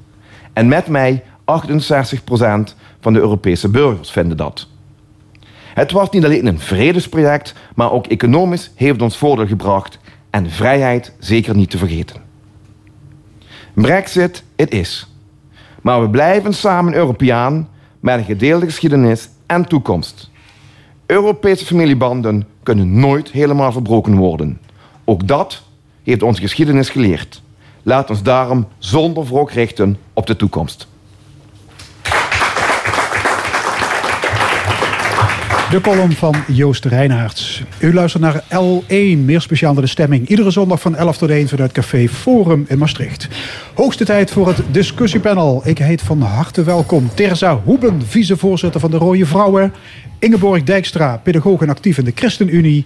En Joost Reinaerts, u hoorde hem net op de zeepkist, vicevoorzitter van de PvdA Heerlen Landgraaf. Uh, burgemeester Heijmans van Weert die legt zijn taken voorlopig neer. Heijmans is in opspraak gekomen omdat hij gemeentelijke subsidie gaf aan een club waarvan hij zelf voorzitter is. Uh, is het verstandig dat hij tijdelijk terugtreedt, Ingeborg? Nou, ik ken de situatie natuurlijk alleen maar uit de krant. Maar als ik hoor dat, uh, dat er een vermoeden bestaat dat er dingen zijn die hij die, die beter niet had kunnen doen. Zoals die subsidie uh, overmaken aan een stichting waar hij zelf voorzitter van is. Zonder daarin uh, met het college te overleggen. Denk bij twijfel zou ik altijd zeggen: ja, leg je functie in ieder geval tijdelijk neer tot, tot duidelijk is ja. wat er gebeurd is. Ja. Het is een behoorlijke beslissing natuurlijk hè, om terug te treden als burgemeester. Terza. In dit geval niet. Nee, ik, ik, uh, ik ben ook verbaasd dat het niet meteen ingezet is. Kijk, uh, wat heel veel mensen vergeten is... op het moment dat je de politieke arena ingaat... of dat nou als volksvertegenwoordiger wordt is of als bestuurder... je legt een eet af. En op het moment dat je die eet aflegt, kom je gewoon onder een vergrootglas te liggen. Dat leren wij allemaal die in de politiek gaan. En dat vergrootglas is in de loop der jaren enorm geworden. Op het moment dat je keuzes maakt om zonder overleg van je eigen college tot, tot dit soort betalingen over te gaan, dan is dat inderdaad discutabel. Of ik nou wel de inhoud weet of niet. Want dat is namelijk integriteit. Het gaat erom dat de burger nooit of te nimmer het gevoel mag hebben dat haar bestuurders dingen doen die niet door de beugel kunnen. Dat is namelijk een van de vormen van de eet. Dus op het moment dat je al een actie onderneemt die al ter discussie stelt, ja, dan moet je per direct je, je positie neerleggen totdat het onderzoek is afgesloten. Ja, Joost Reinaerts? Ik sluit me bij de vorige sprekers aan. Ehm, politiek is uh, één groot vergrootglas ik realiseer me ook zeker als burgemeester zijn dat er ook heel veel grijsvlakken zijn waarin het zo'n beetje moeilijk is om te opereren. Nu lijkt het, ik kan zeggen, er is, geen, er is steeds een vermoeden van, lijkt het erop dat in die grijsvlak in ieder geval iets misschien naar de verkeerde kant omgevallen is dan vind ik de beslissing van de heer Heijmans heel verstandig om tijdelijk even een stap terug te zetten. Hij heeft die beslissing overigens genomen uh, nadat er overleg is geweest met het college. Dus de vraag is, zou hij dit zelf besloten hebben of is hij gedwongen ja, dat vind ik een, een, een, terechte vraag. Ik moet zeggen, heb twee weken geleden heb ik het, uh, verhaal ook in de krant gelezen. Toen had ik me eigenlijk kunnen voorstellen dat je er misschien eerder bovenop gezeten had. En misschien al eerder gezegd had, misschien moet ik even hier een stap terugzetten. Maar dat weten we natuurlijk niet, want we waren er natuurlijk niet bij. Maar ik denk wel dat de politieke druk flink opgevoerd is. Dat weet ik denk ik wel bijna wel zeker. Ja, ik las toch ook dat uh, onze gouverneur ook een brief had geschreven daarover. Dus dan denk ik van ja, we zullen het niet weten, want uh, wat er precies gebeurd is. Maar ja, ik ben met jou eens. Uh, integriteit is ja, hoofdzaak nummer één. Ja. Als mens en zeker als politicus. Ja. Kijk, maar dit soort stappen zorgt wel weer dat zo'n ja. integriteitsonderzoek uh, uh, weer een extra druk op zich krijgt. Hè? Op het moment dat er nu alweer wordt gesproken, een college heeft druk moeten uitoefenen, al dan niet. Hè? Uh, een brief van een gouverneur, wat heeft erin gestaan? Dat zijn allemaal stappen die had je al van tevoren kunnen voorzien. Dus op het moment dat het al richting zo'n onderzoek gaat, moet je per direct gewoon een keuze gaan maken. En hoe langer je dat doorlaat eigenlijk sijpelen ja, dan ga je dit soort dingen krijgen, waardoor, en dat is nog steeds de eet van integriteit, je mag de burger niet het gevoel geven dat er iets ter discussie staat. Dus de stap is al te ver gegaan. Ja. Hoe is het te verklaren dat uh, een, iemand uh, als, als Heijmans, hè, die toch een, dus een ervaren bestuurder, uh, burgemeester van, van een redelijk grote stad, komt vaak ook landelijk zelfs in de publiciteit. Hoe kan hij zo'n zo ja, zo'n beslissing nemen? Zo'n zo'n die er toch aan zijn integriteit aan raakt. Hoe is dat mogelijk? Ja, ja ik, ik, ik vind het ook een lastige. Ik denk ook, het is zoals ik de heer Heijmans ken uit de media. Een vrij uitgesproken bestuurder. Uh, die ook volgens mij wel uh, dingen op de politieke agenda heeft gezet. Uh, en misschien is er wel een aardig te noemen dat. Een soort oogklep. Een soort, hoe noem je dat? Een soort... tunnelvisie ontstaan. Tunnelvisie ontstaan. Waardoor je dat misschien niet helemaal op vizier hebt gehad. Ja, ik weet het niet. Ik kan er ook niet over oordelen, zeg nou ja, maar. Ik geef Joost gelijk, er zijn natuurlijk heel veel grijze gebieden. En, en, en zeker de rol en de taak van de burgemeester... Uh, die komt in aanmerking of in aanraking met, met zaken... Uh, die hier wel op grenzen. Uh, en dat maakt het ook zo moeilijk met integriteit. Wanneer ga je over die grens heen? Wanneer... Is, dat, is dat zo? moet je niet gewoon, kun je dat niet, voel je dat ook niet aan? Wat, je, wat kan of niet kan? Ja, weet je, dit is natuurlijk een hele discussie. Wij hebben dat uh, in mijn tijd in de Staten zijn er meerdere keren onderwerpen uh, ter tafel gekomen. waarvan de een zegt, nou ja, ik ik zie hier echt letterlijk niet het probleem in. En de ander zegt je wel, dat is gewoon heel helder. Nou, dat is al raar, hè? dat de een zegt ik zie het probleem niet. En de ander zegt, het is voor mij heel helder. Dus wat is de grens?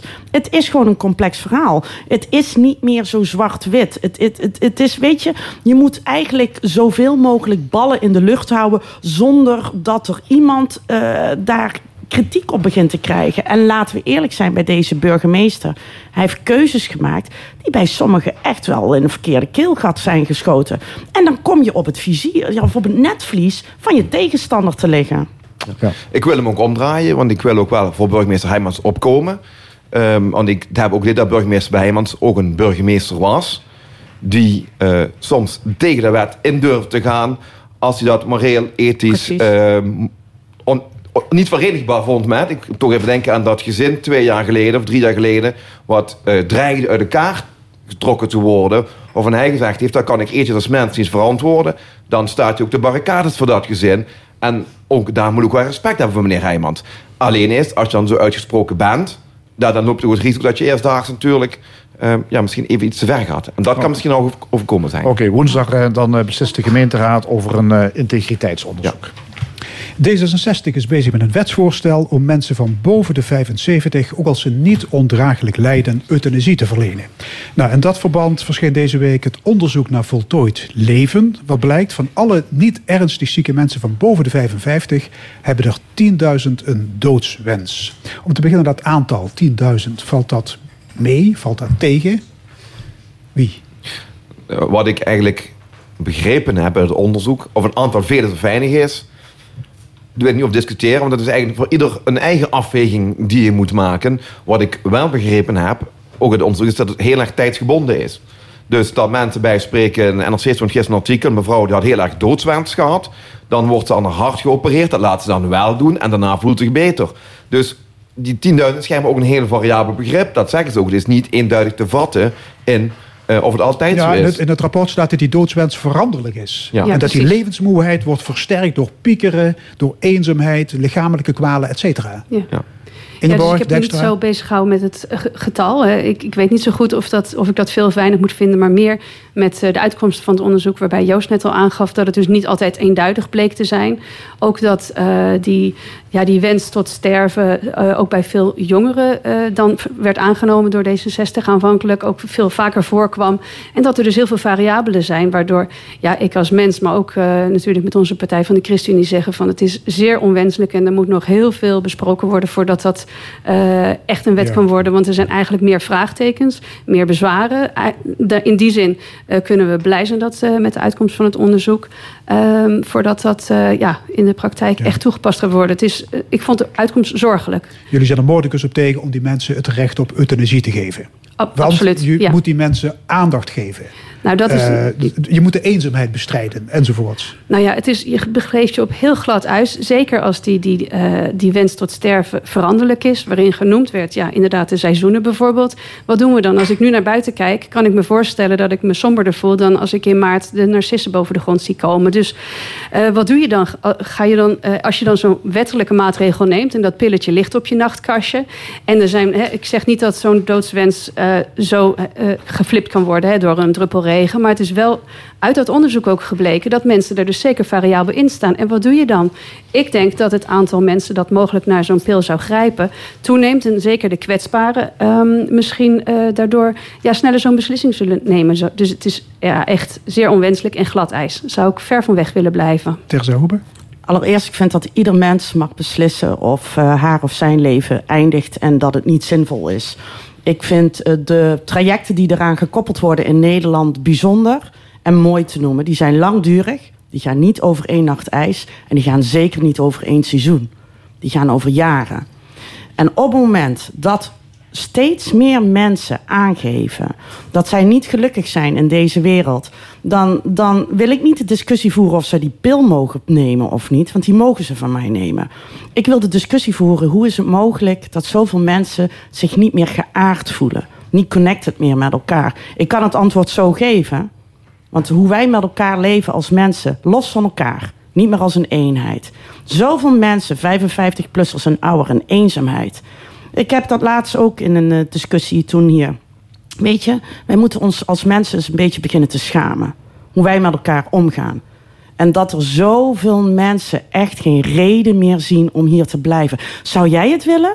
Als jij de dag en nacht eenzaam in je huisje wegkwijnt, al dan niet met ziektes of niet, en niemand geeft jou meer aandacht. Wij zijn gezelschapsdiertjes. Wij zijn van oorsprong, leven wij in, in, in groepen. Wat doen we elkaar aan? Tuurlijk zeggen mensen op een gegeven moment: ik heb er geen zin meer in. Tuurlijk zegt een jeugd van: wat moet ik met een wereld dat we los van elkaar leven? Dat ik alleen nog maar achter mijn pc zit en een virtual wereld, mijn wereld gecreëerd. Tuurlijk worden mensen mistroostig en vragen zich af: wat doe ik hier in godsnaam? Dus ik denk dat we die discussie op een heel ander level moeten gaan voeren. Ja, eigenlijk zeg je dat hele begrip voltooid leven is een totaal fout begrip. Ja. Dat leven is niet voltooid, mensen zitten te verpieteren. Ja, absoluut. Maar daar ben ik het ook absoluut mee eens. Dus hè, het eerste stukje van Teersa onderschrijf ik uiteraard niet dat die pil er zou moeten komen. Of, uh, maar zeker dat we kijken, en dat is natuurlijk ook wat onze partij doet, maar ook wat ik als mens in mijn dagelijkse omgeving probeer te doen. Dat je kijkt, omkijken naar de ander. En dat je zegt of dat dan een manifest is waardig ouder worden. Het gaat dus niet alleen maar om de ouderen. En ik denk als we meer nou ja, daarop zouden richten, dan komen we bij de kern van de zaak. En dan hebben we het niet meer is een leven. Wie mag dat beëindigen? Want daar heb ik een duidelijke mening over. Maar meer hoe maken we het uh, zinvol en waardig voor iedereen in onze samenleving. Reinaerts? Ja, ik, ik vind namelijk wel dat de, de D66 dat doet als liberaal. Met het, het zelfbeschikkingsrecht is een ultiem liberaal uh, goed wat ze wil staan. Maar als ik het lees en dan gaan we toch dichter bij de ChristenUnie voegen, proef ik toch eigenlijk meer dat het meer een vraagstuk is rondom eenzaamheid, alleen zijn, het overbodig zijn. En ik denk dat dat eerder we daar iets aan zouden ja, moeten doen. Bovendien is de helft van die 10.000 die is afkomstig uit de lagere sociale klasse. En stedelijke omgeving. Ja, kampen met financiële problemen. Dus kennelijk hakt dat er ook nogal stevig in ja, mentaal. Soms hele andere zaken die Ja. niet per se uh, ja, van tevoren ook uh, bekend waren. Dus in die zin.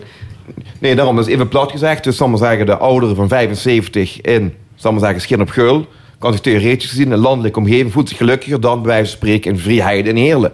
Dan is dat dus een stedelijk vraagstuk. Dus daar moeten we staan in investeren. Dan moet u die mensen helpen en dan niet zeggen, weet je wat doet? We geven u een pil en het is oké. Dat is mij dan, denk ik dan ook te gemakkelijk.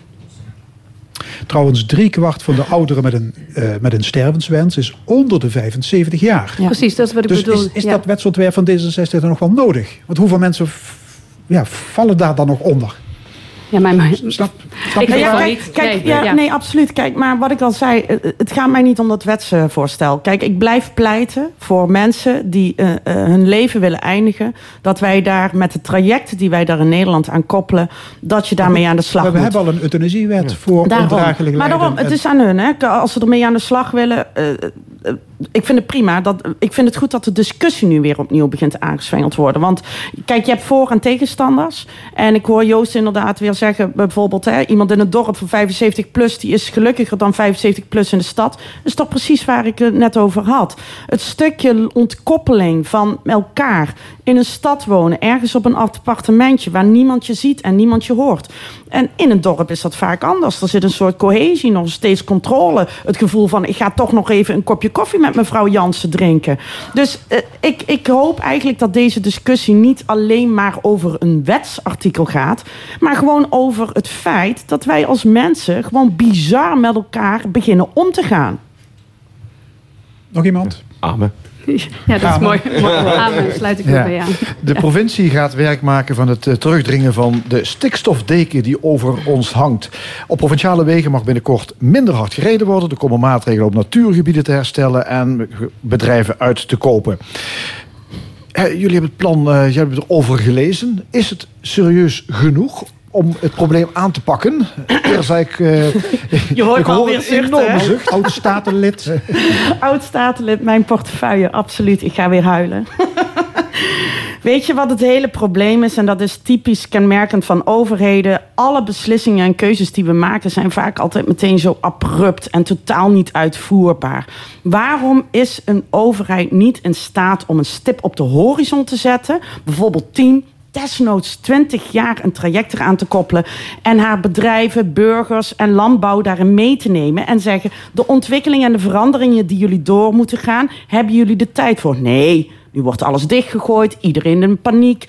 En dan zie ik waar Maar het is een gevolg van een uitspraak natuurlijk van, van de rechter. Nee, maar dat is het. Hè. Landelijk hoogste orgaan, die komt weer met een abrupte beslissing. Nou, dan kiezen sommige provincies om daar voortvarender mee aan de slag te gaan. Provincie Limburg kiest eigenlijk de weg van we volgen het Rijk.